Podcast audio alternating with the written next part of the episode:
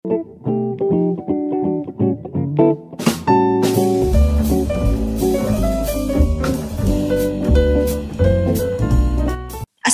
warahmatullahi wabarakatuh. Uh, ketemu lagi sama saya Unesa Rahmah di Bincangku Bincangmu. Sekarang kita ada kedatangan uh, narasumber dari Perancis. Jadi dia ini termasuk salah satu muslimah yang berdiaspora di Perancis untuk melanjutkan S2-nya. Uh, namanya Revi Marlina. Halo Revi. Halo Nek. Ya, nama saya Revi Marlina. Saya sekarang hmm. uh, berkuliah di Universitas Grenoble yang hmm. ada di Prancis. Saya mengambil jurusan hukum internasional, uh, sekarang sudah tahun kedua. Oke, okay. RF boleh dong uh, sedikit ngomong-ngomong bahasa Prancis? Katanya bahasa Prancis itu bahasa yang paling, aduh dong, romantis di dunia, bener gak sih? Kenapa sih? Enggak, karena mungkin kalau misalkan bahasa Prancis, ya karena mungkin levelnya ya mungkin kalau misalkan menurut saya ya. Jadi um, apa namanya ya menjadi lambang romantis. Padahal sih ya kalau orang Prancis mungkin berpikir Italia juga romantis bahasa Italia. Oh, jadi sebenarnya Bagi subjektif mereka. ya? Hmm. Iya benar. Kalau halo apa sih di, di bahasa Prancis apa? Kalau halo gitu? Kalau di bahasa Prancis tuh mau halo, hai, selamat siang, pagi, sore, semua pakai bonjour. Terus oh, bonjour itu udah ke... kayak orang Prancis asli kamu. Enggak, jauh sih. Maksudnya uh, bonjour itu lebih ke yang formal, tapi yang uh, informal itu lebih ke salut. Le apa? Salu. Sa oh, salu. Tulisannya. Iya, iya, iya, iya. Pernah dengar, pernah dengar, pernah dengar, pernah dengar. Uh, boleh dong kamu ceritain sedikit tentang uh, pengalaman pas lagi kamu pertama kali pindah ke Perancis gitu kan? Maksudnya di Perancis itu nggak tahu kalau misalnya pakai kerudung di Perancis itu apa apa apa tanggapan kayak misalnya orang-orang di sana gitu? Um, sebenarnya sih untuk uh, di sini sendiri di Grenoble nggak saya ke, uh, kemarin dulu itu uh, pertama ke, uh, mau nyampe ke Grenoble saya ke Paris dulu hmm. uh, dan di Paris sendiri pun orang-orang itu pemandangan yang bukan pemandangan asing orang-orang pakai hmm. uh, kerudung ya maksudnya pakai hmm. hijab jadi uh, orang-orang yang berasal dari uh, Afrika Utara kayak Maroko, Aljazair terus juga dari Tunisia mereka juga pakai uh, apa namanya hijab dan juga uh, maaf ada beberapa pengungsi juga yang uh, tanpa nggak nggak punya tempat tinggal sama sekali mereka juga menggunakan uh, hijab juga gitu jadi bukan pemandangan hmm. yang asing bagi oh. orang Prancis sendiri gitu oh jadi kayak di pakai kerudung udah biasa ya iya sudah biasa dan di sini pun apa namanya di Grenoble sendiri walaupun uh, kotanya kita bilang ibaratnya uh, kecil lah dibanding uh, kota yang lainnya tapi tidak sekecil ya maksudnya ibaratnya dibanding Lyon atau Paris ya emang dia uh, lebih kecil tapi sih juga banyak orang-orang yang menggunakan kerudung juga seperti itu. Hmm gitu. Iya sih soalnya kan selama ini kayak ada pandangan negatif terhadap Prancis. Soalnya Prancis kan kayak pernah uh, ngeluarin kebijakan uh, tentang pelarangan pakai kerudung kan ya di uh, hmm. di wilayah publik kalau nggak salah. Iya, Jadi benar. itu sebenarnya berlaku apa udah nggak berlaku sih? Itu masih berlaku uh, untuk apa namanya untuk para itu sebenarnya nggak hanya untuk orang-orang yang menganut agama Islam, tapi untuk seluruh agama. Mm-hmm. Jadi uh, judulnya adalah uh, apa namanya tidak boleh menunjukkan simbol keagamaan seperti itu. Oh gitu. Mm-hmm. Uh, tapi kalau misalkan di mungkin di instansi pemerintahan itu dilarang, tapi di instansi swasta itu kebijakan uh, perusahaannya mm-hmm. masing-masing. Tapi kalau misalkan uh, di uh, sekolah-sekolah dari TK sampai SMA itu dilarang Sedangkan kalau misalkan sekolah uh, swasta lagi itu tergantung kebijakan lagi dan kalau di universitas itu kita bebas boleh pakai uh, kerudung atau enggak gitu. Uh, universitas negeri juga saya kebetulan di universitas negeri di sininya. Mm-hmm. Oh gitu. Jadi pas lagi kamu pertama kali masuk Prancis nggak terlalu risih ya kayak beda sendiri gitu-gitu. Soalnya kan di Indo hmm. uh, biasa banget kan kita ngelihat pemandangan semua iya, orang pakai kerudung gitu-gitu. Kamu hmm. pernah nggak ada perasaan kayak eh gue pakai kerudung sendiri deh kayak aneh gitu? Pernah nggak ada ada ada perasaan kayak gitu? Uh, enggak sih jujur aja karena kayak hmm. ketika nyampe pertama kali di hmm. sini orang-orang juga pakai pakai kerudung terus sudah kayak gitu uh, beberapa teman kelas juga ada yang pakai kerudung gitu dan hmm. kayak uh, kebetulan yang jadi administ orang administrasi dan jadi direktris direktur masa direktur residen saya juga pakai kerudung juga gitu. oh gitu berarti udah biasa ya hmm. udah udah biasa seperti itu hmm. Oke, okay, soalnya waktu itu aku tuh sempat kaget juga pas lagi aku pertama kali ke Singapura tuh kan satu kelas tuh kayaknya pakai kerudung cuma hmm. sendiri gitu kan kayak hmm. Ada ada sih perasaan kayak nggak biasa ya. Dulu kan apalagi di UIN gitu kan. Kuliah di UIN yeah, yang iya, kayak, kayak semua orang pakai kerudung gitu kan. Jadi hmm. pas pindah ke sini tuh ada sih gak gue kayak perasaan kayak eh sendiri gitu. Cuman ya sebenarnya sih biasa aja ya lama-lama ya. Iya karena waktu di dulu Kalo di so, kelas hmm. hmm. juga ada yang pakai kerudung hmm, selain selain aku sih. Hmm. jadi dulu selain jadi, aku ada juga yang pakai kerudung gitu. Jadi ya maksudnya nggak terlalu ya masa nggak terlalu merasa uh, apa namanya beda sendiri aja karena teman juga yang lain gitu. Ada nggak sih alasan-alasan kenapa kamu pengen pilih Prancis waktu itu jadi tempat uh, studi kamu? Kenapa pilih Prancis? Yang pertama karena hmm. um, dulu saya mikirnya gini karena apa namanya untuk uh, dapat beasiswa yang bahasa Inggris itu susah Hmm. Karena ibaratnya mungkin saingannya lebih banyak karena kan di Indonesia kan hmm. kan orang-orang maksudnya uh, bahasa keduanya selain bahasa Indonesia, bahasa keduanya bahasa Inggris. Terus saya berpikir hmm. mungkin kalau misalkan saya tambah nih bahasa ketiga saya bahasa Prancis, mungkin kesempatan saya lebih banyak karena ibaratnya saya bisa daftar ke negara-negara yang berbahasa Prancis. Ya, mikirnya sih itu aja hmm. gitu dan kebetulan uh, alhamdulillah dapat di sini. Terus sudah kayak gitu uh, apa namanya dapat beasiswa dari universitas juga walaupun nggak full kayak UNE ya. Tapi yeah, iya, alhamdulillah yeah, dapat juga gitu ibaratnya gitu. Ya alhamdulillah sih gitu. Dan di sini pun uh, apa namanya walaupun susah tapi worth it sih. Maksudnya uh, susah kenapa tuh susah susah oh. ya susah ngikuti pelajarannya di, hmm. di, di uh, kelas gitu. Jadi uh, ya tapi ya kita ya usaha aja terus. Maksudnya lebih berkali-kali lebih lebih keras daripada sebelumnya. Masya Allah keren ya. Eh boleh dong diceritain susahnya apa sih pas lagi di ruang kelas? Misalnya pas lagi kamu uh, belajar gitu terus pakai bahasa pengantar uh, Prancis kan? Maksudnya aku aja pengalaman pakai bahasa Inggris aja kadang pas lagi pertama kelas pertama tuh juga agak susah untuk ngikutin kayak buset nih ngomong apa gitu kan. Terlalu cepet gitu kan aksennya -hmm. segala macam gitu kamu gimana pengalaman yang susah pas lagi di kelas pertama kali gimana?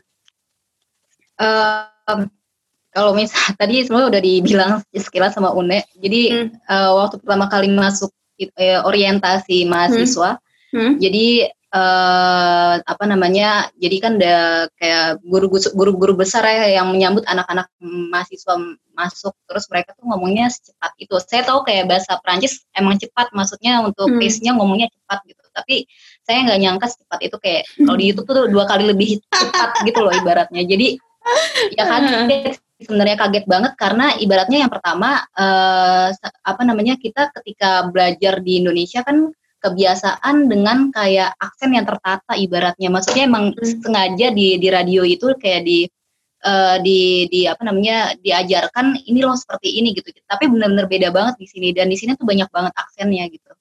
Jadi oh, aksen oh, jadi uh, Aksen Jadi ngomong aksen, bahasa Perancisnya beda-beda. Aksen bahasa Perancisnya beda-beda. Di sini kan Grenoble ini aksennya beda lagi, di Paris aksennya beda lagi. Terus saya punya teman-teman yang eh, apa namanya uh, dia ya dari Afrika Utara, maksudnya Arab juga berbahasa Arab. Terus itu aksennya beda lagi, yang Afrika aksennya beda lagi kayak gitu. Wow, jadi waktu jadi... pertama kali bener-bener kayak emang kewalahan bener-bener kayak cuma diem aja kayak ngamatin oh dia nih aksennya begini ini begini ini begini mm -hmm. Terus pas lagi ngobrol sama teman-teman gimana tuh kamu? Ada, ada lost in translation gak kayak dia ngomong apa sebenarnya tapi lu uh, kayak apa nangkepnya eh ini terus salah akhirnya gitu. Pernah ada kayak gitu nggak?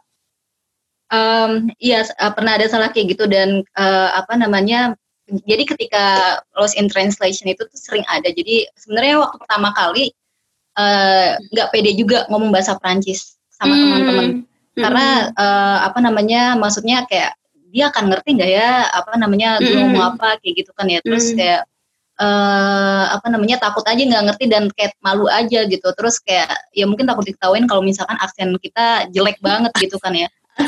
Terus udah gitu iya aksen Indonesia. Jadi kayak aksen Indonesia kan bener-bener kayak jelas banget gini kan bahasanya ayu ayu. Yeah, kalau mereka kan bener-bener disambung-sambung gitu kan. Terus uh, tapi ya udah coba aja terus kayak uh, apa namanya ya paling ngomong sama mereka uh, mereka aku saya aku udah bilang kalau misalkan uh, tolong ngomong pelan. Soalnya baru uh, baru pertama kali Prancis juga dan nggak begitu lama belajar bahasa Prancis. Hmm. uh, terus kalau misalkan udah lost in translation biasanya pakai bahasa Inggris sih gitu.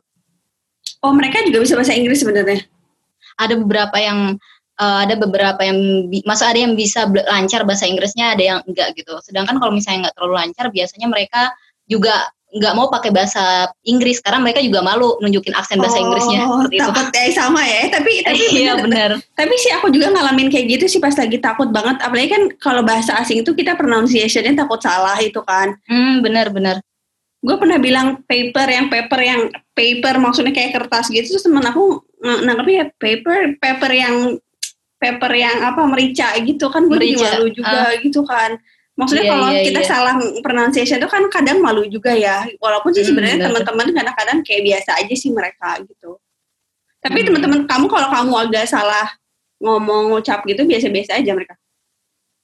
Uh, uh, mereka nggak ragu sih untuk ngebenerinnya lagi. Jadi nggak mereka nggak mikir kalau misalkan itu akan menyakiti hati gue. Maksudnya yang kayak oh ya udah gue benerin. Oh maksud lo ini kayak gitu kata kata teman-teman yang diajak ngobrol apa enggak uh, jadi um, apa namanya gue pernah gue punya kayak lingkar lingkaran pertemanan sendiri yang kayak bener-bener yang deket yang kita biasa uh, apa namanya ngomong sehari-hari dan biasanya temen itu kadang ngebantuin untuk translate ke temen yang yang yang lain karena udah tahu kayak maksud udah kebiasaan hmm. ngomong bahasa hmm. Prancis ke dia jadi dia udah paham kayak gitu ibaratnya oh gitu jadi ada yang bantuin ya alhamdulillah ya di kayak gitu ya, iya ya, bener uh. Jadi kayak soalnya gitu. ya bahasa penting banget sih kalau keluar apa kuliah ke luar ya. Iya bener banget sih kayak Iya bener pentingnya tuh kayak uh, penting banget kayak language barrier tuh bener-bener nyata sih kalau misalkan hmm. yang keluar negeri bahasa nggak lancar tuh bener-bener ya sih udah ya? dead lah. Uh. Iya iya iya ngerti ngerti. Eh terus kalau uh, apa nih namanya? Kalau ada nggak sih bedanya kayak belajar di Prancis sama dulu pas lagi di Indo? Bedanya uh, jadi di kalau misalkan di Indonesia itu kan kalau misalkan menurut gue ya nek jadi hmm. guru-gurunya maksudnya sistemnya itu adalah guru atau dosen tuh deket sama anak-anak muridnya maksudnya jadi kayak di kelas nggak begitu rame kita kan dibagi tiga kelas waktu itu kan ya mm-hmm, uh, A B C gitu sedangkan uh. kalau misalkan di sini ini lebih ke ke masa sih maksudnya apa namanya kelasnya. Jadi di sini ada TD uh, eh, namanya Travaux Dirige ada yang satu lagi CM CM itu Cours Magistro Cours Magistro itu yang benar-benar yang yang besar banget. Jadi yang kalau misalkan di uh, kalau misalkan di ilustrasiin tuh yang kayak berundak-undak. Jadi anak uh, di situ tuh bisa sampai 100 100 mahasiswa lebih. Jadi hmm, dari ya? berbagai jurusan. Mm, jadi uh, tergantung hmm. mata kuliahnya. Dan kayak uh, apa namanya mata kuliah mata kuliah yang intens pendekatan dari dosen ke mahasiswanya itu uh, satu semester cuma ada uh, beberapa aja kalau nggak salah cuma ada uh, sepertiga dari mata uh, cuma sekitar tiga atau empat tapi kebanyakan yang kurs magi, magistronya itu. Oh jadi yang apa tadi kelas magistro itu kamu sering ketemu sama orang-orang dari fakultas lain dong? Uh, dari fakultas uh, sorry dari fakultas yang sama jurusan hukum tapi dari uh, jurusan yang beda misalkan uh, gue hukum internasional ada juga misalkan dia hukum penal ada yang dari hmm. hukum Eropa ada yang hukum hak asasi hmm. manusia jadi itu kelas bersama lah ibaratnya kayak gitu jadi gurunya nggak mau ya gurunya ya efisien aja gitu jadi dia pakai mikrofon hmm. ngomong di depan terus nunjukin pakai slide show gitu terus hmm. gitu yang uh, apa namanya ngejelasin ABCD dan di situ sebenarnya kita nggak terlalu punya banyak uh, waktu untuk uh, ngobrol atau kayak bertanya lebih dalam sama dosen hmm. karena waktunya cuma dua jam terbatas kalau misalkan mau lagi ya lewat email kayak gitu ibaratnya jadi hmm. uh, apa namanya beda sih kan kalau misalkan Indonesia benar-benar yang kayak siapa yang mau nanya kayak gitu kan? Iya sampai gak ada yang mau nanya. Iya. Iya iya iya iya iya, iya iya Iya iya iya iya Iya kalau di sini kayak uh, anak-anaknya itu ya ya orang anak-anak di sini sih kritis-kritis sih. Maksudnya kayak mm ya mereka pada nanya tapi malah gurunya yang nyetop oke okay, ntar uh, uh, lewat email aja dilanjutin kalau misalkan hmm. kayak gini terus uh, kita nggak akan kekejar untuk uh, nyampein materi yang lainnya gitu Hmm. Ya benar. Oh jadi sebenarnya di situ sistem Q&A-nya terserah aja bebas. Misalnya guru lagi dosen lagi jelasin, lu nanya boleh gitu.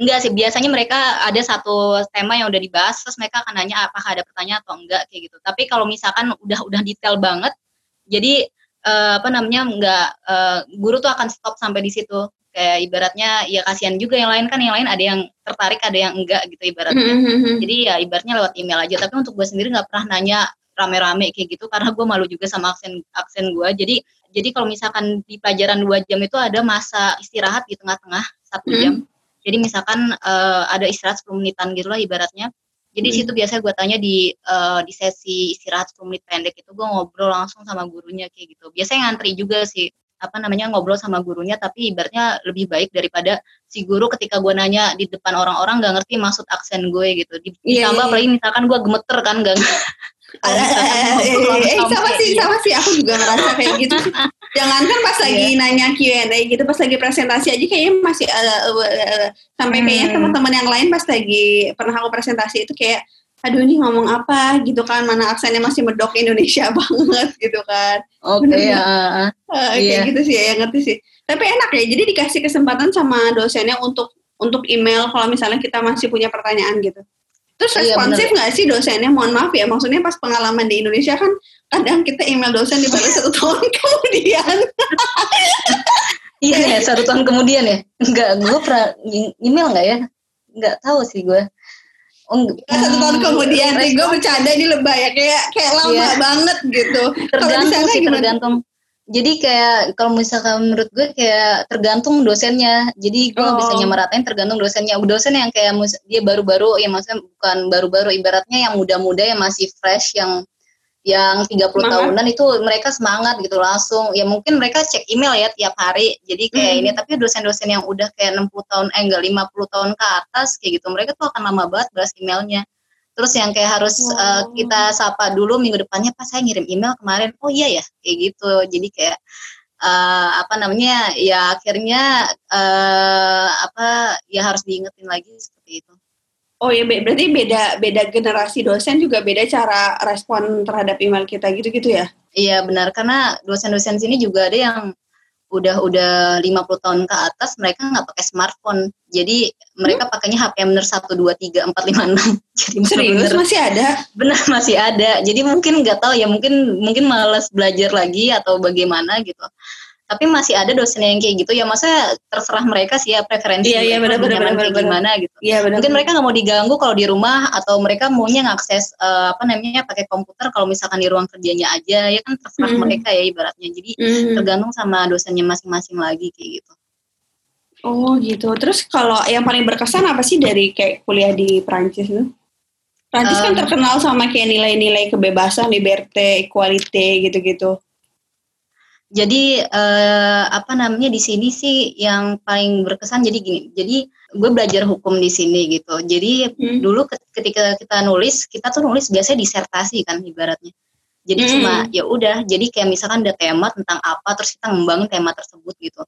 Problematiknya hmm. apa kita kembangin kayak gitu. Kalau di sini tuh ada metodologi tertentu, metodologi hukum yang kita nggak hanya disertasi e, nulis disertasi tapi kita tuh kayak ngasih komentar kita ngasih komentar terhadap suatu artikel atau suatu misalkan bacaan yang ada di koran tersebut dengan kayak apa namanya prinsip-prinsip hukum internasional misalkan kayak gitu dan hmm. itu tuh benar-benar apa ya uh, punya punya ciri khas sendiri lah ibaratnya komentarnya jadi nggak boleh ibaratnya dulu kan kita cuma oh iya A, uh, A jadi kita introduction terus udah kayak gitu ini A ini B ini C hmm. tapi hmm. mereka tuh benar-benar uh, ini uh, apa namanya uh, ground titranya apa ya judul besarnya yang pertama hmm. adalah ini terus hmm. anaknya AB terus dua yang ground titranya ini ininya AB untuk untuk me, apa namanya untuk menentukan judul-judul uh, besarnya aja tuh perlu latihan ibaratnya nggak nggak semudah oh. itu terus sudah kayak gitu yang pertama itu terus yang kedua kan tadi ada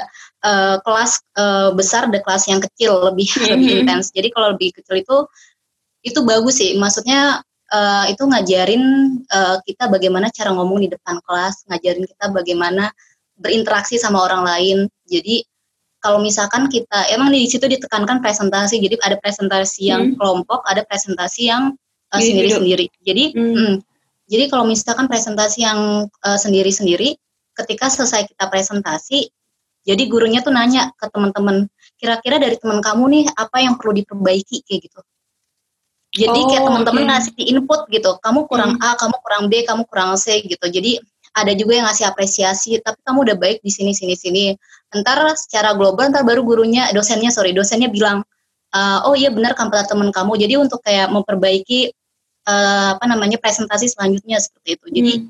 kayak lebih aku lebih suka ke yang kelas, kelas kecil sih daripada yang kelas gede karena lebih lebih apa namanya intens saja gitu kayak komunikasi atau uh, ya komunikasi sama dosen-dosennya dan juga sama teman-temannya. Eh kalau kelas gue masih penasaran itu jadi kelas kelas kecil tuh kelas kecil dari kelas gede apa itu beda subjek? Uh, itu beda subjek. Oh beda tapi subjek. mungkin kalau yang ini yang kelas kecil ini khusus untuk jurusan kamu gitu ya? Makanya orangnya lebih sedikit nggak juga? Uh, um, setiap jurusan ada kelas kecilnya. Oh, jadi dibatasi kuotanya? Uh, enggak itu wajib. Jadi misalkan gini ada misalkan uh, taruh misalkan ada hukum internasional publik mm -hmm. itu kelas besar. Terus ada mm -hmm. hukum Uni Eropa itu kelas besar. Terus mm -hmm. ada misalkan uh, kelas kecil itu biasa namanya seminar, seminar hukum hak asasi manusia di Eropa. Itu kelas mm -hmm. kecil. Mm -hmm. Tapi setiap orang, eh masa setiap orang tuh punya hak untuk uh, wajib untuk ngikutin kelas kecil ini. Mm dan kalau misalkan di kelas besar itu kayak uh, absen tuh nggak terlalu bermasalah. Kayak mau masuk mau nggak masuk itu nggak masalah yeah. sekarang kalau di kelas kecil terserah kalau misalkan di kelas kecil harus kita harus masuk. Kayak kayak di, di win aja dulu kita kayak tiga kali kita nggak masuk ya udah kita out jadi kayak gitu. Hmm. oh gitu. Eh, di Singapura nggak ada sih kayak gitu? Kayaknya ya, kalau aku, aku baru aku baru tahu ada yang sistem kayak gitu. Soalnya yeah. di Singapura tuh kayak ya wajib masuk semua gitu. Soalnya nggak ada kelas besar kayak gitu nggak ada. Hmm. kalau kelas besar tuh paling jatuhnya kayak seminar aja. Oh kita malah kebalik ya. Seminar kita yang malah kelas kecil. Tapi seminar itu tuh nggak seminar kan kalau di seminar yang aku yang aku ada di sini tuh seminar yang satu hari doang cuma tiga jam. Udah oh gitu. iya iya. Paham paham paham. Beda kan beda kan? Kalau kamu kelas kecil tetap iya. kayak satu semester ada beberapa pertemuan kan? Hmm, benar oh, gitu. benar. Menarik sih itu beda sih. Kalau di sini juga kayak ya maksudnya semua kelas tuh dibatasin cuman kayak 20 orang biasanya. Hmm. Kecuali kelas wajib kita ada kayak core course itu kita kayak 40 orang paling banyak. Cuma sisanya kayak cuma 20 20 orang. Terus pasti ada kayak seminar terus kita harus kayak presentasi gitu-gitu sih. Kalau di situ harus nulis, nulis esai terus nggak sih setiap kelas? Nggak juga. Uh, kalau misalkan untuk kelas kecil wajib, kalau misalkan hmm. kelas besar itu uh, tergantung dari dosennya dan biasanya uh, gini, jadi tergantung dosennya dan tergantung seberapa penting mata kuliah itu. Kalau misalkan kelas besar, hmm. kalau misalnya mata kuliah benar-benar fundamental, dia ada kelas kecilnya lagi. Jadi oh. seperti itu. Itu beda oh. lagi tapi namanya TD namanya travel diri J. Pokoknya ada tiga tipe gitulah ibaratnya. Lumayan, jadi ya? ntar Iya, jadi gue waktu pertama kali juga juga bingung kayak ini apa ini apa maksudnya kayak di, di kalau di Indonesia kan mm-hmm. semua sama terus kayak ada UTS ada UAS terus ada nilai apa namanya absen apa ya namanya nih yang kayak uh, yang penting kamu rajin di kelas masuk bukan jadi kan ada UTS ada UAS terus oh, yang iya, satu iya. lagi itu nilai yang uh, partisipasi kelas oh, iya, iya, iya, masuk iya, iya, iya gitu. partisipasi lima belas persen ya malas di, iya. di ada nggak sih nilai partisipasi nggak ada Oh, oh berarti kelihatan banget ya orang Indo harus dipaksa ya. Tapi di Singapura ada partisipasi kelas 15%, UAS berapa persen, saya berapa persen ada dari di Singapura ada. Enggak enggak gue nggak ada sih. Jadi kayak uh, ya udah kayak gitu terus ya udah UTS UAS gitu kayak ya udahlah nggak usah nggak usah sosonanya kalau misalkan nggak ada pertanyaan ibaratnya ngerti nggak? Iya, kan, iya, kan iya. kita kan sosonanya kan yang kayak ah gue harus nanya nih supaya nilai gue ah kayak gitu kan jadi akhirnya pertanyaan yang pertanyaan nggak penting.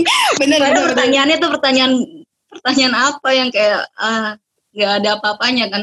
Tapi kalau misalkan di sini ya udah kembali lagi ke nilai yaitu TS hmm. uh, di sini namanya control continue. Jadi kayak kontrol di um, apa namanya di sepanjang semester kayak gitu. Uh, eh tapi UTS-nya kayak dulu di UIN nggak sih? UTS yang ada soal ngisi atau lebih kayak essay gitu? Uh, lebih ke esai sih. Oh. Lebih ke esai. Okay, Jadi okay. kayak kita ngembangin ya itu lagi. Ada yang bisa disertasi, ada yang komentar. Mm-hmm. Terus uh, tapi ini kebetulan gara-gara yang kemarin kayak gara-gara uh, bukan gara ya, iya gara-gara pandemi COVID-19 ini gue mm-hmm. soalnya jadi kayak pilihan ganda semua. Kemarin online kan. Enak dong. Itu udah gila sih itu kayak kayak gue waktu pertama kali baru pertama kali gue apa namanya online terus udah kayak gitu um, itu tentang ya itu pilihan ganda dan kayak 30 menit doang tapi soalnya 40 soal. Wih gila, berarti Gak maksud gue kayak gini loh, kayak lu harus memahami dulu itu apa, terus lu kan supaya nggak kejebak lu harus baca semuanya, nggak hanya baca soalnya, jawaban-jawaban mm -hmm. ABCD-nya lu juga harus baca gitu. Iya. Yeah. Terus kayak ya Allah, terus kayak uh, kalau misalkan lu salah, uh, lu dapat minus poin negatif kayak SNMPTN ya. gitu loh. Kok ini emang ngeri, ngeri banget sih? Iya makanya ini gue kayak lagi dik dikduk gitu nunggu aduh gimana ya nih hasilnya kayak gitu ntar tanggal 12. Ada remet gak? Ada remet gak? Ada ada remet di sini ada sesi kedua kayak gitu. Sesi oh. kedua tuh lebih ke oral sih ngobrol uh, bukan ngobrol exam di sama dosennya. Tapi kalau dosen di Prancis lebih approachable nggak sih menurut kamu dibandingkan di Indo? Maksudnya kan pas lagi di S1 kan kita, mohon maaf nih ya, maksudnya kadang kan ngerasa kayak dosen di Indo itu susah banget untuk kita approach, misalnya kalau kita mau nanya atau mau segala macam. Apalagi pas lagi mau minta tantangan skripsi ya. Kayaknya itu gini ya, itu tergantung lagi sih kalau misalnya. Oh tergantung dosennya ya. Tergantung oh. lagi nggak sih kayak ibaratnya ya di UIN dulu juga susah karena itu dosen nggak satu-satunya kan itu mata apa kerjaannya. Ada yang jadi iya, iya, ada yang iya, iya. nyambi jadi ABCD karena mereka kesebutannya itu juga. Di sini juga kayak uh, ada yang kayak dia cuma datang pada hari uh, misalkan Rabu doang ntar balik lagi ke Lyon di Lyon dia juga kerja lagi di universitas lain kayak gitu ibaratnya. Oh gitu. I see. Ya tergantung okay. lagi dosen-dosennya gitu. Berarti nggak nggak unik ke dosen Indonesia ya? Kalau misalnya yeah. agak susah di oh oke okay, oke okay, oke okay, itu nggak tahu sih case di di Singapura gitu juga nggak? Maksudnya balik lagi ke dosennya nggak sih? Kalau case di Singapura sih biasanya ya di Singapura tuh kalau satu dosen tuh ngajarnya udah satu satu pekerjaan kayak misalnya ngajar sama doing research gitu. Dan mm-hmm. biasanya satu dosen tuh paling banyak ngajar dua kelas doang sih kalau di sini. Uh, jadi satu semester paling jadi satu satu tahun nih mereka paling uh, cuman punya kelas di semester satu sama semester tiga udah Oh iya. Kan iya. kalau dosen Indo tuh kayak semester 1, 2, 3, 4 mereka selalu punya kelas gitu kan. Iya benar. Sih? Kalau di iya. sini tuh jadi mungkin karena sebagai dosen tuh kamu harus sering nulis juga kan. Apalagi iya. untuk mempertahankan gelar profesor itu. Jadi ngajar iya. tuh paling satu satu kali aja satu tahun tuh. Hmm, Jadi mungkin iya, iya. itu juga berdampak kayak ngebalas email kita cepat. Terus kalau kita minta saran juga cepat. Menurut aku sih itu kalau di Indo kan udah mengajar setiap semester punya pekerjaan lain ngajar di kampus lain juga gitu kan. Hmm, mungkin sih. Udah ya, capek ya. nulis ya. capek nulis juga. Jadi ya ya mungkin karena bebannya banyak banget sih ya. Jadi untuk ngasih perhatian lebih ke mahasiswa di luar jam kampus tuh mungkin jadi berat sih mungkin ya kasusnya di Indo. Uh, Iya iya iya berarti lebih banyak ya iniannya apa namanya jajaran dosennya di sana karena di, ya hmm. satu dosen bisa cuma cuma dua kelas doang kan? Iya cuma iya cuma kelas cuma dua kelas doang rata-rata satu tahun tuh. Maksudnya aku jarang misalnya ketemu dosen ini nanti dia ngajar apa lagi gitu di di mata kuliah yang lain tuh jarang. Biasanya tuh spesifik, misalnya satu dosen dia ngajar tentang homeland security, ya udah dia ngajar tentang itu ya terorisme aja udah. Hmm. Kalau di Prancis. Iya, iya. gitu nggak atau ada yang berulang gitu dosen yang ngajar? Ada, jadi ada satu dosen yang ngajar uh, maksimal sih dua mata kuliah. Jadi ketemu sama dia lagi, ketemu sama dia lagi. Oh maksimal, Terus kadang, maksimal tapi dua mata kuliah kan ya? Uh -uh, jadi kayak di jurusan gue kemarin ada satu dia ngajar uh, hukum internasional publik sama hukum eh perlindungan hak asasi manusia internasional sama Eropa. Jadi dia megang dua mata kuliah di satu semester.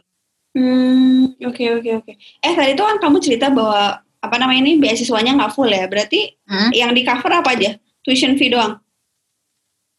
Uh, sebenarnya kalau misalnya untuk tuition fee untuk uh, biaya kuliah di Prancis sih nggak semahal di negara-negara lain di Prancis. Oh gitu. Uh, iya, kalau di Prancis tuh ibaratnya masuk ke universitas negeri. Eh tapi kemarin udah ada perubahan kebijakan uh, lebih agak lebih naik, tapi tetap aja mahalan kayak Australia dan kawan-kawan Inggris dan Amerika Serikat hmm. dan lainnya. Tapi sebelum itu yang tahun 2018 ketika gue masuk, jadi dia satu tahun kita bayar cuma 243 sekitar sekitar 6 juta satu tahun gue bayar untuk sama aja kayak di Indo ya iya makanya.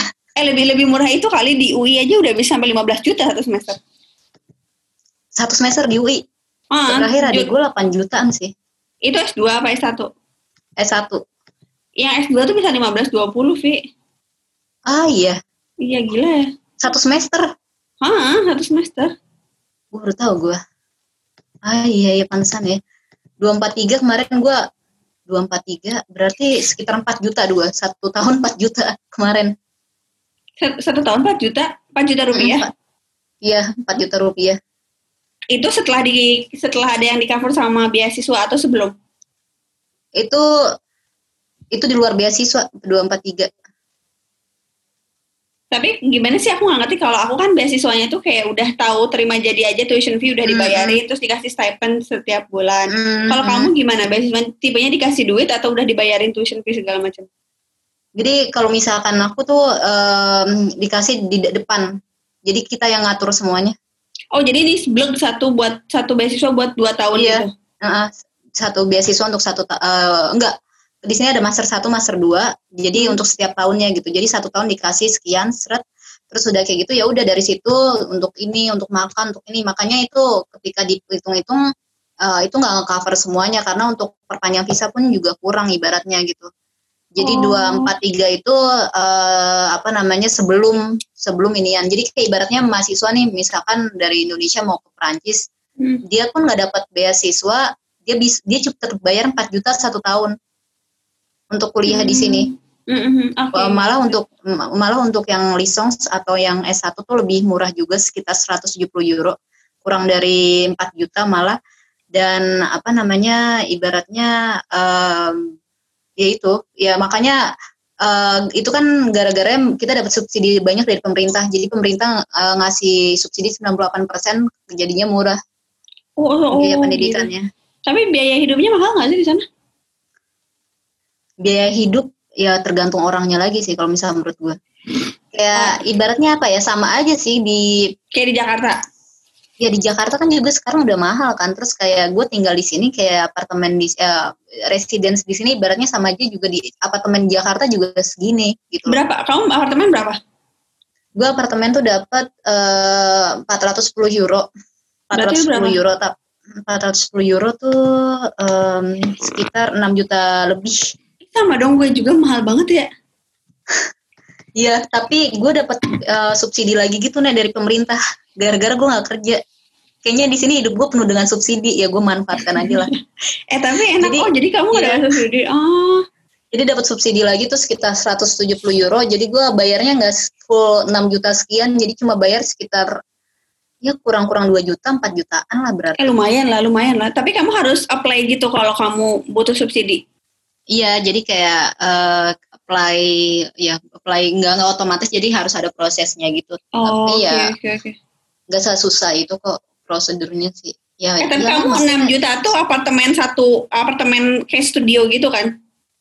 Studio, tapi aku uh, apa namanya untuk masak di luar, tapi toilet sama ya toilet di dalam kulkas oh, di dalam. Sama sih, sama sih, sama sih. Enggak dulu pas lagi hmm. aku di asramanya kampus NTU juga sama bayarnya sekitar 5 jutaan gitu tapi di luar.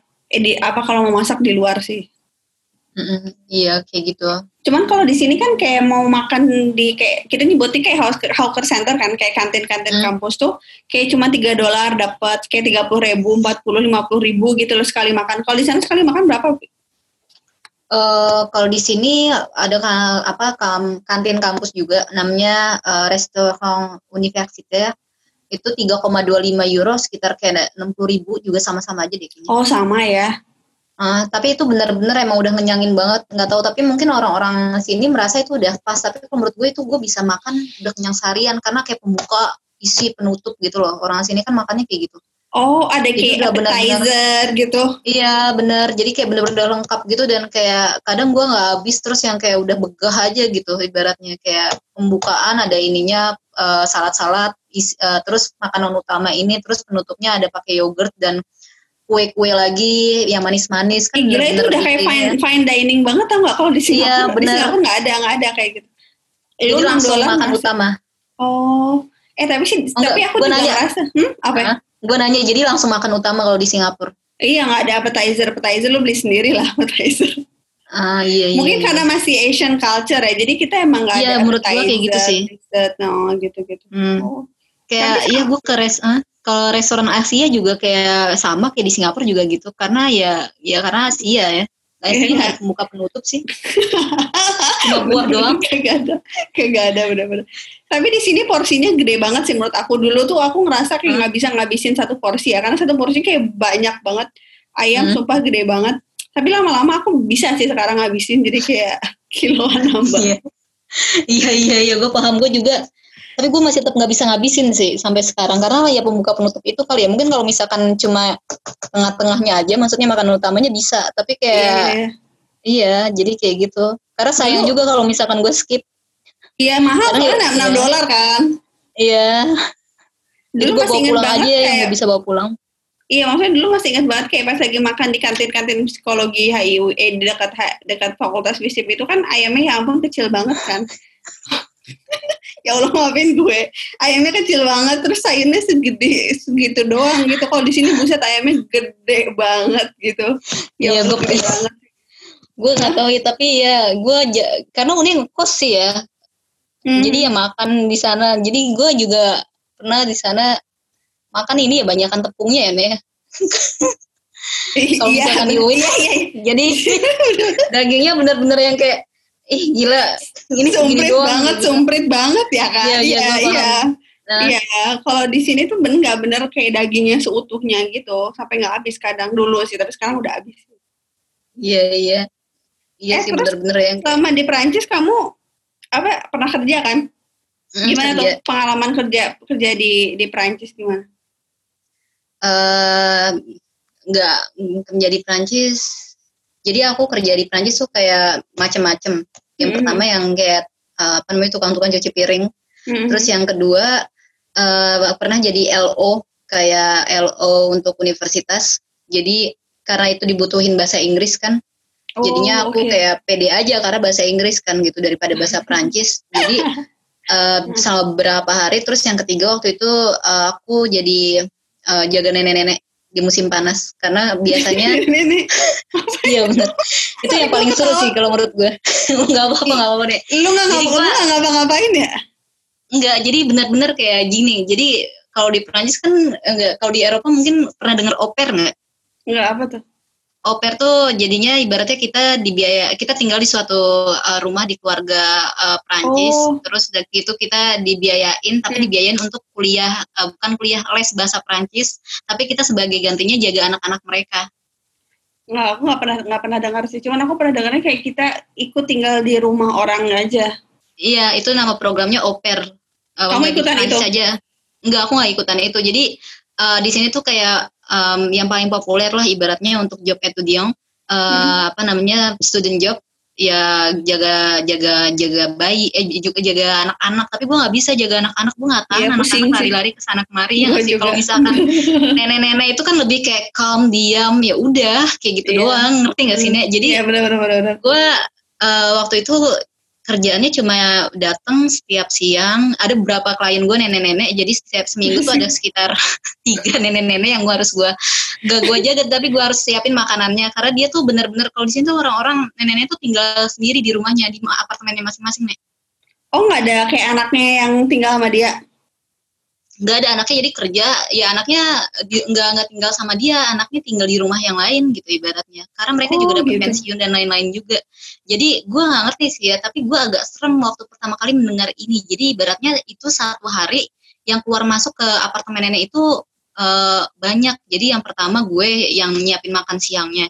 Terus yang kedua susternya yang bersih bersihin ya diapers hmm. dan lain-lainnya dan siapin uh, obat-obatannya terus yang ketiga uh, kine kine itu kinesterapi orang-orang yang mijit-mijitin supaya otot-ototnya nggak kaku. Wih gila ya beda banget. Jadi ya. kayak setiap orang tuh di, ngasih kunci tiga orang tapi yang anaknya nanti yang ngontrol kayak ibaratnya oh ya udah datang belum gimana nih mami gimana mau makan gak kayak gitu jadi ya mereka ya udah kayak mungkin kan biasa ya dari dulu kayak gitu jadi uh, apa namanya ya udah dia tinggal aja ditinggal tinggalin sendiri di di rumah itu. Tapi lu, lu yang masakin? Enggak, gue nggak masakin. Jadi kalau gue masakin nggak mungkin lah. Jadi jadi udah ada di. Jadi mereka udah ada kayak, rendang.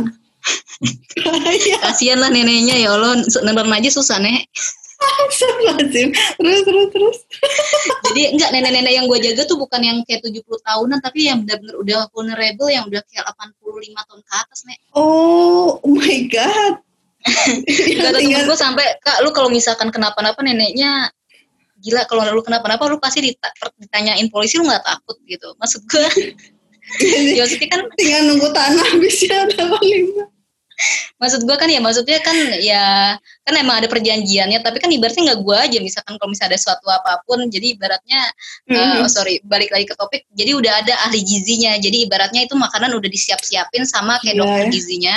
Terus mm-hmm. udah gitu gue uh, kerjanya cuma tinggal manasin doang di micro microwave terus gue mm-hmm. masuk uh, gue taruh di sajikan di inian tapi kan emang orang Perancis makannya kan ribet ya maksudnya nggak cuma selesai gitu jadi kayak gue kasih dulu tuh pembukaannya terus udah pembukaannya oh. tuh ganti piring lagi nah itu hmm. kan yang ribet kan terus uh, ini lagi penutupnya ya udah jadi kayak gue ya satu sampai dua jam ngurusin kayak gituan doang terus nungguin dia kayak ya makannya kan kayak kayak gitu nih oh, jadi bener-bener iya, ya harus iya, sabar iya, nungguin iya. dia dan harus kita harus uh, laporan ke anaknya juga oke okay, makanannya dia hari ini mau makan hari ini dia lagi nggak mau makan kayak gitu Eh tapi duitnya ya, lumayan, duitnya lumayan dari kerja kayak gitu.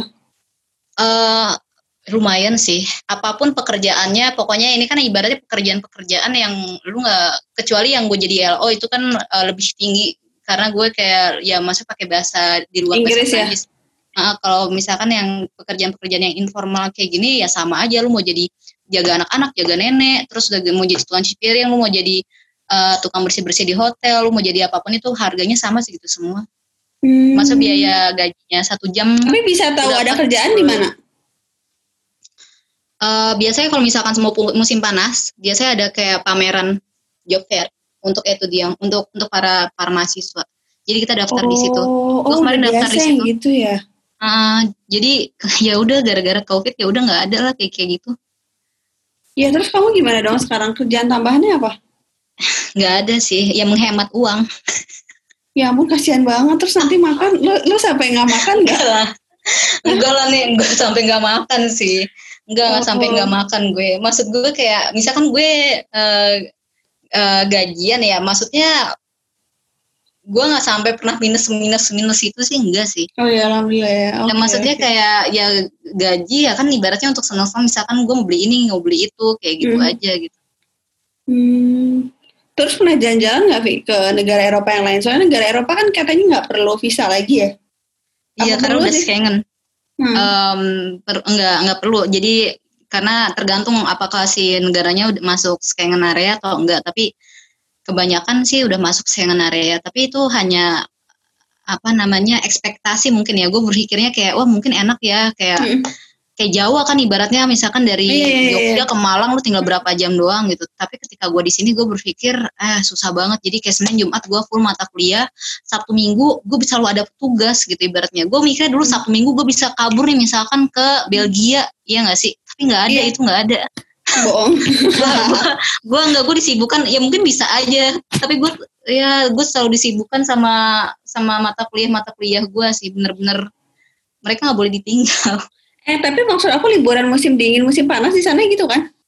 Iya, tapi ya gimana nih? Di sini tuh liburannya aku tuh di sini semester 1, semester 2, semester 1, semester 2 tuh nggak ada nggak ada nggak ada liburan. Jadi hmm. langsung. Kok bisa? Iya emang sistemnya di sini gue juga kaget gitu kan kayak semester 1 gue habis ulangan selesai hari Jumat, hari Senin gue langsung masuk semester 2. Terus nggak ada waktu buat bernafas dong? Iya makanya itulah yang membuat gue jodotin kepala ya nggak sih?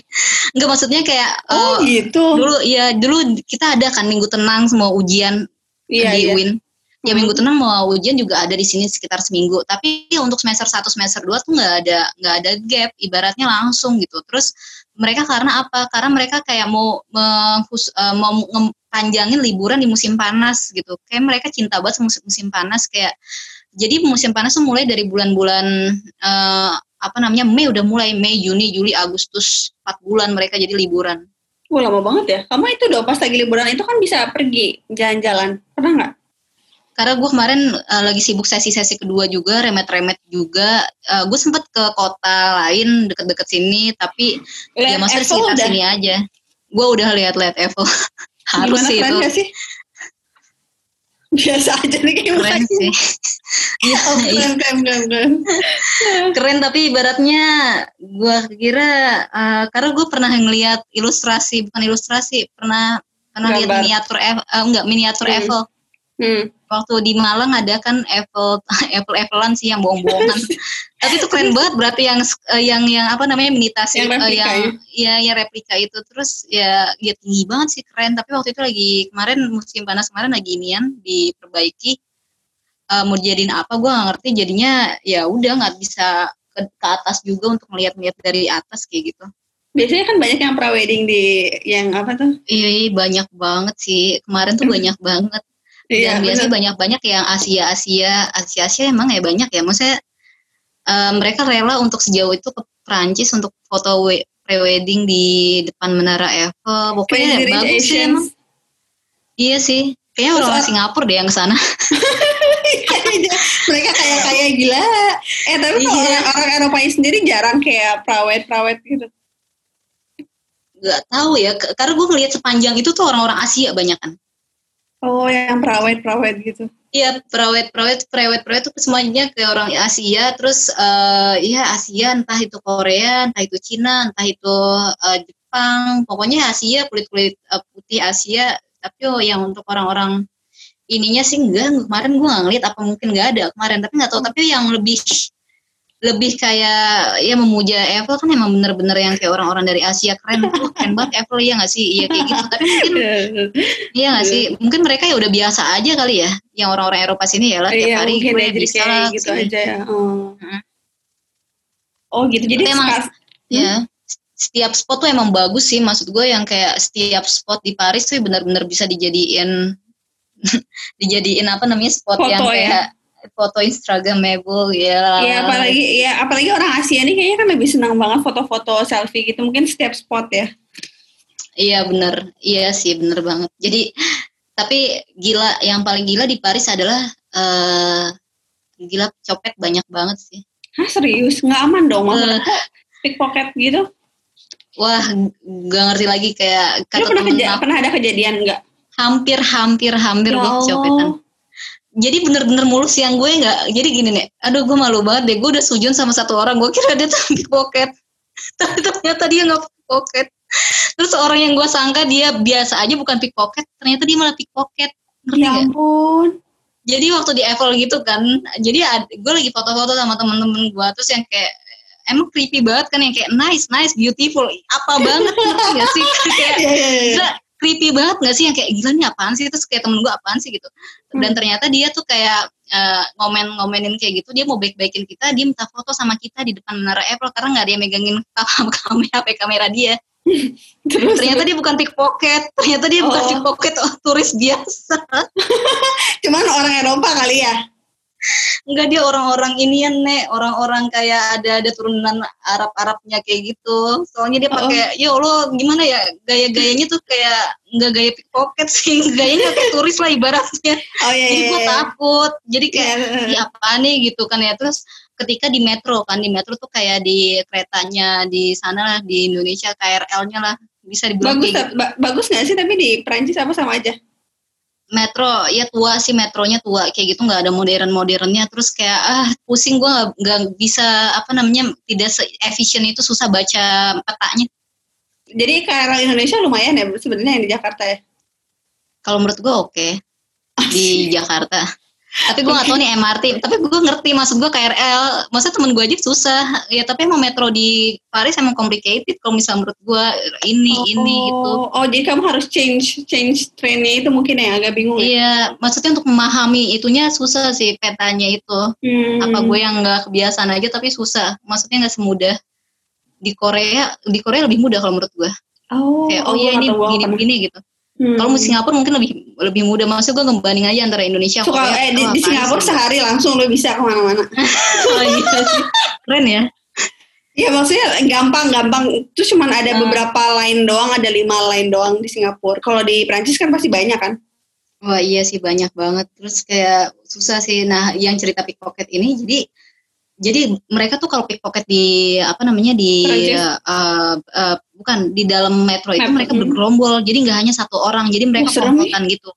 Jadi mereka tuh anak-anak muda nih umur-umur remaja kayak ya 16 sampai 19 tahun lah ibaratnya. Dan bahasa bahasa Inggris mereka tuh bukan kayak bahasa Inggris kayak orang-orang Prancis tapi bahasa Inggris bahasa Inggris yang uh, ya menurut gue cukup fluent gitu ibaratnya. Dia nanya uh, galeri uh, sorry where is galeri Lafayette? Dia nanya galeri Lafayette kan. Terus gue yang kayak gue nanggepin karena nggak mencurigakan sama sekali. Gue posisinya pakai tas sling bag terus sling bagnya gue taruh di depan gue hmm. dan gue gak ngerasa loh tangan dia tuh udah menjalar ke sling bag gue dan udah kayak seret serem banget gak sih gue gak ngerasa jadi ibaratnya sengaja kayak ada satu orang ini ada tiga orang jadi yang satu sosok yang kayak kegerahan hmm. gitu jadi kayak emang beras emang panas terus yang satu ngobrol sama gue terus yang satu uh, buka sling bag gue yang satu tuh benar-benar enggak yang satu tuh emang sengaja mengalihkan fokus gue supaya nggak nggak ngeh sama barang-barang gue tapi itu tuh posisi tasnya di depan lagi di dekap gitu di, enggak? Di depan gue, di depan gue tapi nggak gue deket. Maksud gue yang kayak ya maksud gue ngerasa dong kayak harusnya ngerasa kan ibaratnya. Jadi kayak udah setengah aja gitu kayak apa namanya resleting gue ke inian tapi ada teman gue yang kayak dia udah tau lah tipe-tipe pickpocket hmm. yang ada di Paris dia udah tahu karena dia hmm. udah lama juga kan di sini jadi pickpocketnya tuh banyak tipe-tipenya dan gue kan nggak tahu tipe-tipe pickpocket tuh apa-apa aja oh. dan dia langsung megang tangan si pickpocketnya yang kayak Syong gitu. Dia langsung pergi dan udah pickpocketnya itu nggak merasa bersalah bersalah keluar keluar gerbong terus dia masuk ke gerbong yang gue bisa ngeliat dia di sana. Gila gila gak sih?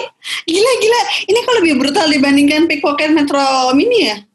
Maksudnya kalau kalau metro mini kan minimal orang-orang udah kayak eh, lu, lu lu dikejar gitu kan digebukin. Yeah. Kalau ini orang-orang biasa aja.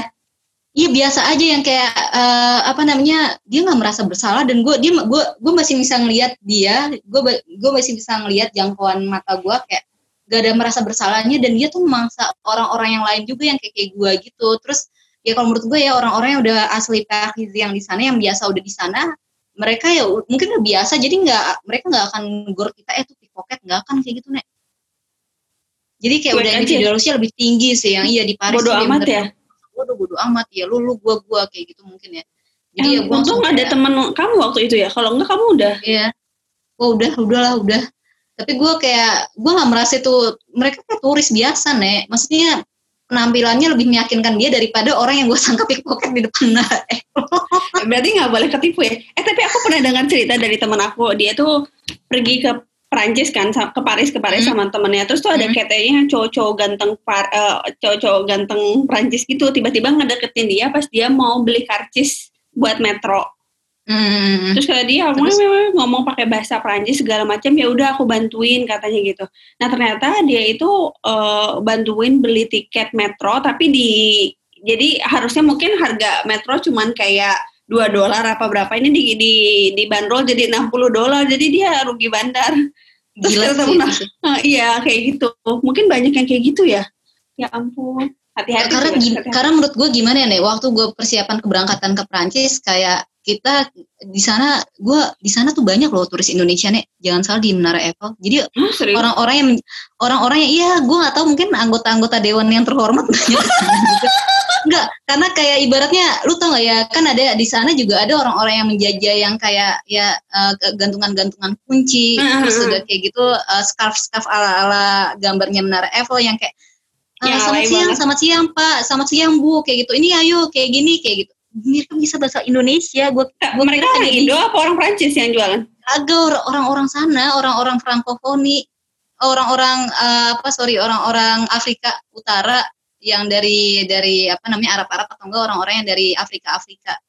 Berarti saking seringnya orang Indo datang ya? ya iyalah nih, gue aja kayak shock kayak mereka bisa kayak ini, ini hanya berapa ribu rupiah ini, gue langsung shock loh kayak anjir nih kok bisa, bisa mereka ya? kayak gitu kan ya. Oh my god, berarti orang Indonesia di mana-mana ya? Di di Singapura yeah. juga ada sih kayak gitu stall yang kayak bahkan kita bisa bayar pakai rupiah. Ah, nggak usah pakai Singapura dolar. Wah tapi keren dong kalau misalkan itu nggak perlu repot-repot tapi lebih mahal dong berarti kalau dibanderol pakai rupiah. Kayaknya sih cuman orang Indo yang wis yang ke sini kan biasanya emang orang-orang kaya tajir melintir gitu kan kayak gue pernah iya, nemenin bener. tamu tuh dari Indo kan. Oh bisa bayar pakai rupiah ya udah bayar. Beli gantungan kunci kan buat satu RT kan kebiasaan. Iya iya iya iya iya gue tahu. Ya itu sangat tipikal sih emang. jadi jadi mungkin ya udahlah jadi sasaran kayak gitu oh gitu seru sih seru sih alhamdulillah iya, kalau iya. di Singapura aku belum pernah sih ada kayak tapi aman lah Singapura ya tapi kalau di sini even di Grenoble aja tuh ya Allah pickpocket hmm. juga banyak, banyak banget nih terus gimana uh. terus caranya gimana supaya kamu gak kena pickpocket dikasih tahu nggak kayak cara saran. Jadi kita tuh nggak boleh lengah kayak ibarat kita harus kayak awas. Mendingan gak usah ngobrol sama orang, gak usah main HP sama orang. Jadi even kayak temen gue lagi nel temen gue even lagi nelpon jadi dia habis keluar dari kereta lagi nelpon kayak gini di kuping HP dia hmm. diambil loh langsung HP-nya Hah, gila gila gila emang separah itu nek karena gini kan jadi emang kalau menurut gue gini ya kenapa orang-orang Prancis yang Prancis Prancis asli berpandangan kalau misalkan kayak imigran-imigran sorry ya menurut mereka ya ya membawa kerugian aja. Karena mereka tuh image-nya jelek ya gara-gara gara-gara itu, itu. Iya pickpocket. Terus mereka juga sorry malas bekerja dan lain-lain. Kayak gitu kayak hmm. menghasilkan anak banyak. Kayak gini kalau di sini makin anak banyak makin banyak subsidi dari pemerintah. Beneran. Oh iya sama-sama sih di sini juga. Ya nggak sih? Hmm. terus udah kayak gitu ya mungkin gara-gara itu. Tapi gue nggak bisa menyalahkan juga. Tapi ibaratnya serem itu Padahal ini kota kecil loh. Maksudnya ibaratnya nggak segede Paris kan. Ibaratnya. Tapi memang yang suka apa pickpocket itu orang imigran bukan orang Parisnya asli. Kagak sih orang-orang imigran yang mereka pasti gue kalau misalkan ngeliat di ada kan di Facebook grup kayak uh, apa namanya tentang ngomong apa-apa pasti mereka bilangnya saya dengarnya perawakannya yang ber, uh, gini gini gini berkumis berjenggotan pakai bahasa hmm. Arab kayak gitu-gitu. Hmm. Yes, Jadi yes, ya yes, yes. Ya walaupun nggak boleh dipukul rata kali ya. Iya benar. Jadi ya udah. Terus ya mungkin kalau misalnya menurut gue gini. Jadi uh, ada salah satu uh, orang uh, kedubes KBRI Paris waktu itu pernah bilang, kalau misalkan orang Indonesia itu nek mungkin mukanya ramah-ramah kalau menurut gue ya. Jadi ibaratnya mana-mana senyum, mana-mana senyum kayak. Jadi sasaran kayak, empuk. Jadi sasaran empuk gitu. Emang waktu gue persiapan belajar ke sini bilang waktu di airport kita nggak usah kayak terlalu Susah. ramah. Jadi kita kayak dingin aja muka kita kayak dingin aja gitu. Nggak nggak usah terlalu kayak apa namanya kayak ya Indonesia kan soalnya kayak ramah cengengesan terus yang kayak hai kayak gitu kan ya. Iya jadi kayak ya harusnya kayak gitu. Even gue pernah dengar jadi ada kan kalau di Indonesia nggak orang-orang Indonesia yang kalau misalkan ke ke Prancis ke Paris hmm. mereka bawa uang yang benar-benar uang tunai euro nih oh oke okay, bahaya ya? pakai koper. Gila asal lazim orang Indonesia Iya nih. Crazy Rich gua, dari mana itu? Gue gak tau, gue gue denger kan. Jadi gue lupa nominalnya berapa dan itu bener-bener banyak banget. Soalnya kayak gini, gue gak tau mungkin dia nggak nggak terbiasa menggunakan kartu kredit atau kredit card gitu. Sedangkan kalau kredit card kan gampang dong kalau misalkan hilang bisa dilacak langsung ditutup ya nggak sih langsung diblokir. Tapi di Prancis emang udah kayak electronic payment gitu. Uh, setengah-setengah ada yang elektronik, ada yang pakai apa namanya cash. Ada juga pakai cek di sini.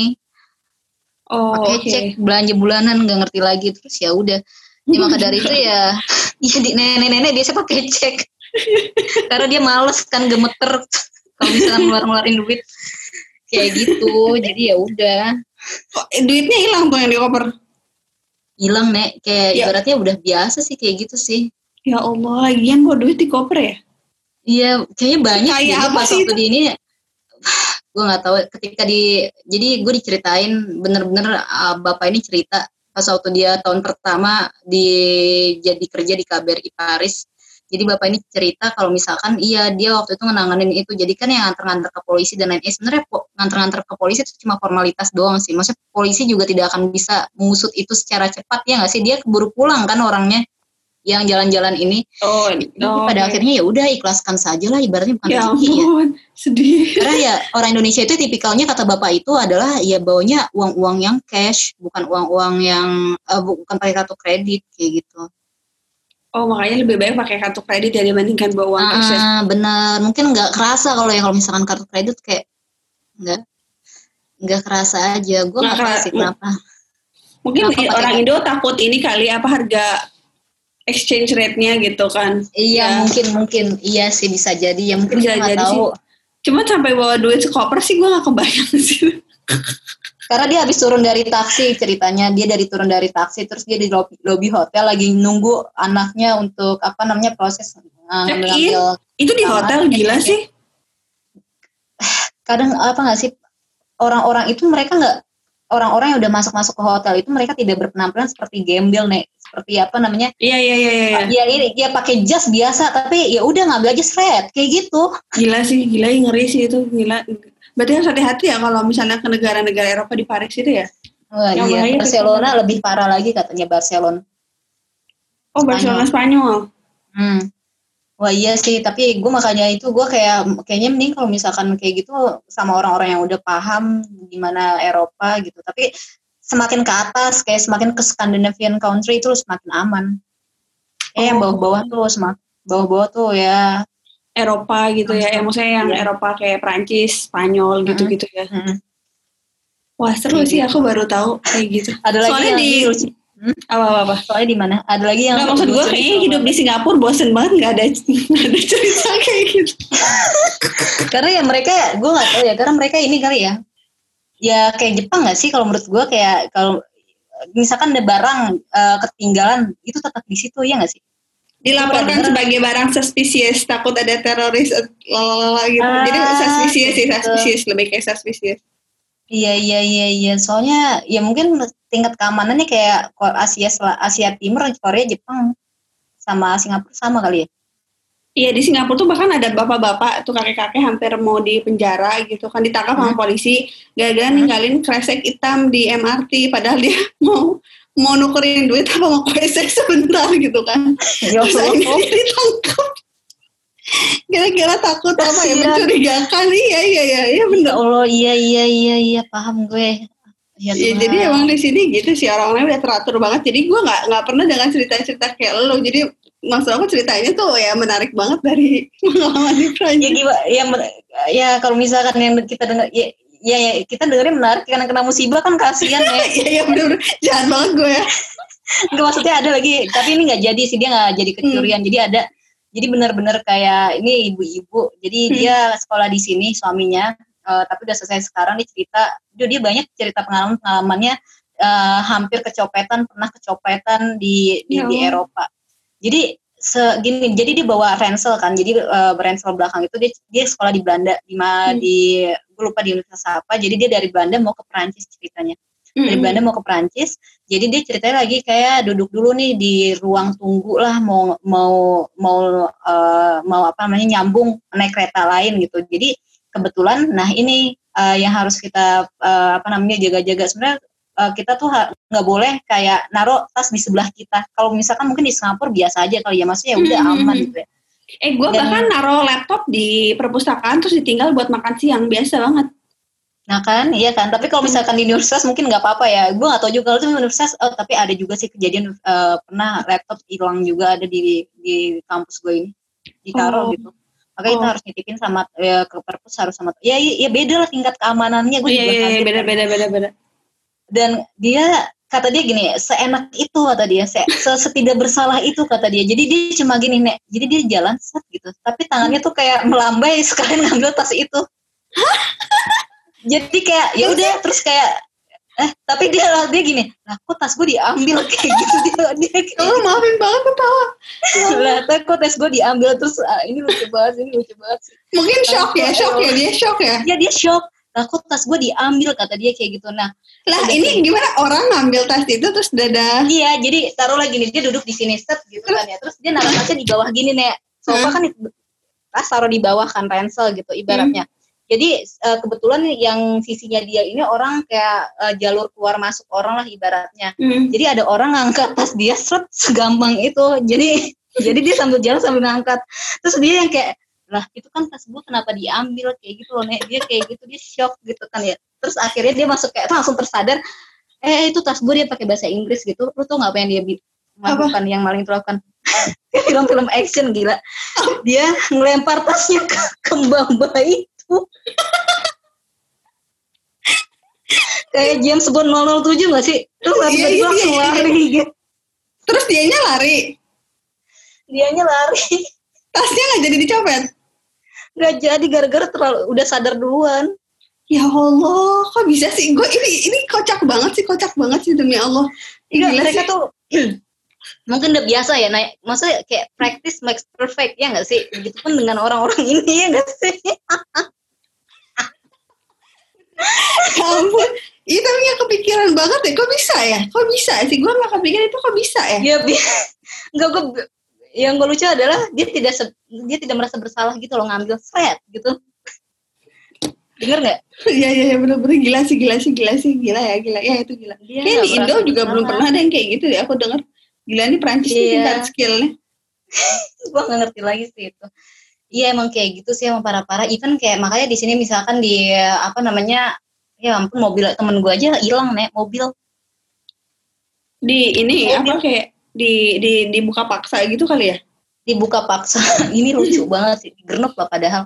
Mobil temen gue hilang tapi akhirnya ketemu lagi setelah beberapa setelah satu minggu ibaratnya gitu. Jadi oh, okay, okay. ini ini kocak sih gue gak ngerti lagi ya. Uh, jadi tuh temen gue tuh mobilnya dikunci semuanya tapi emang nggak kayak gak dipakein kunci stang apa namanya yang setir setir itu yang ngasih jadi yeah, ibaratnya dia parkir di suatu tempat yang uh, parkirnya itu gratis kan di sini ada yang berbayar ada yang gratis dia parkir gratis entah mengapa nih mobil bisa dihidupin dan temen gue kehilangan mobil itu dan itu mobil orang tuanya kan hmm.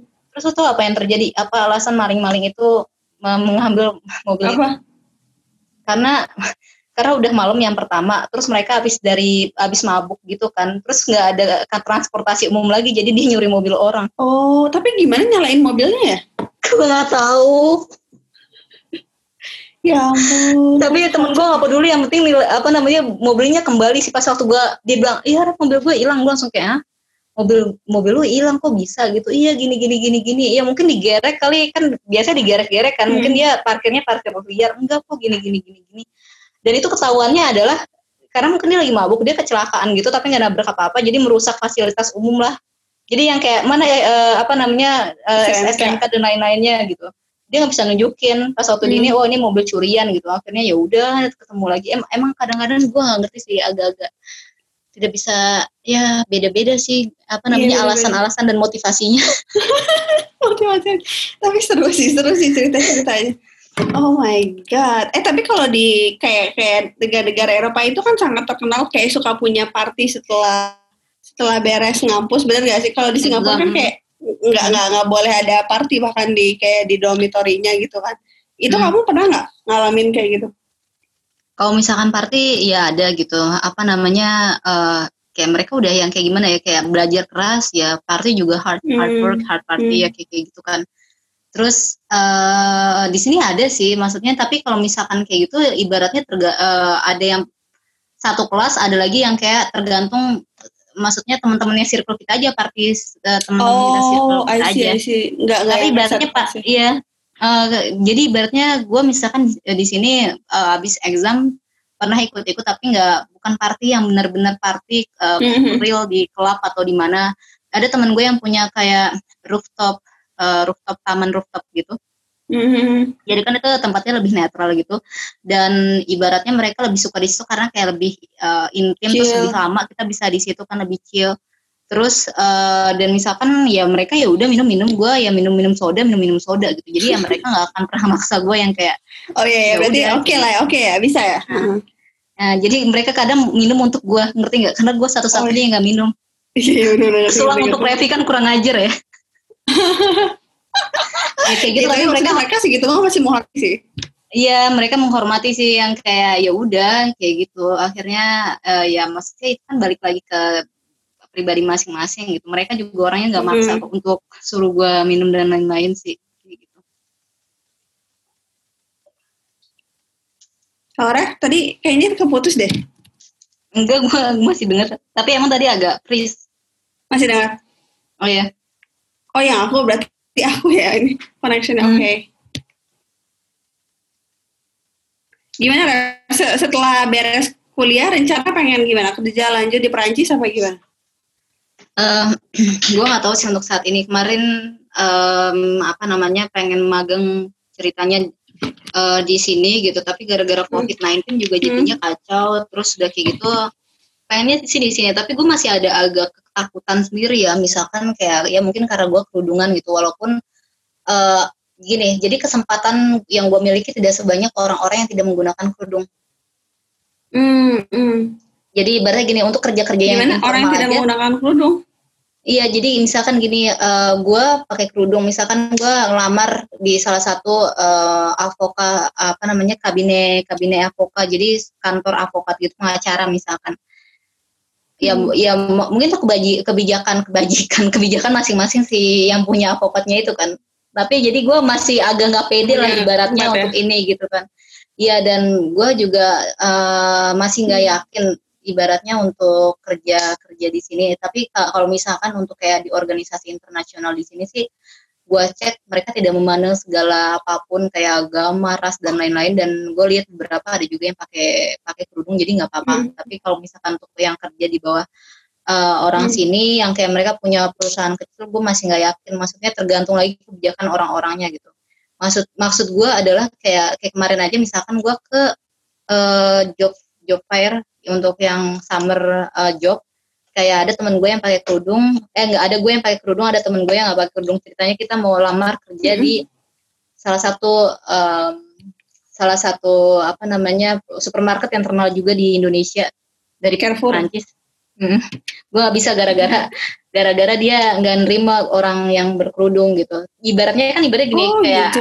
Iya ibaratnya dia nggak nyalahin dia dia bilang kayak gue bisa apa apa ya hmm. kan kebijakannya ya gue juga nggak bisa uh, hmm. apa namanya nggak bisa apa namanya memprotes karena itu kebijakannya dia kan. Tapi kan ibaratnya bisa dilihat kayak gue bisa bahasa Prancis sama kayak temen gue terus kayak ibaratnya kita pengalaman kerja kurang lebih sama gitu. Tapi ibaratnya dia lebih favor uh, sama teman hmm. gue. Karena ya gue gue ya ibaratnya kurang beruntung lah karena gue menggunakan jilbab ini ibaratnya kayak gitu yeah, aja. yeah, yeah, yeah. jadi ya tidak bisa sebebas itu gue memilih kayak gitu lagi kerjaan ya hmm. iya sih. Berarti ya maksudnya ya di dunia tuh maksudnya ya masih ada tantangan lah buat buat buat maksudnya kayak ya kalau kita kan sebagai seorang muslim tuh kelihatan ya gara-gara pakai kerudung kan. Maksud iya, aku beda sama kalau mm. ya kan tantangannya beda yeah. kan. Iya. maksud aku aku nggak tahu sih jadi laki-laki cuma laki-laki kan walaupun dia muslim dia kan nggak kelihatan ya karena nggak pakai oh, kerudung.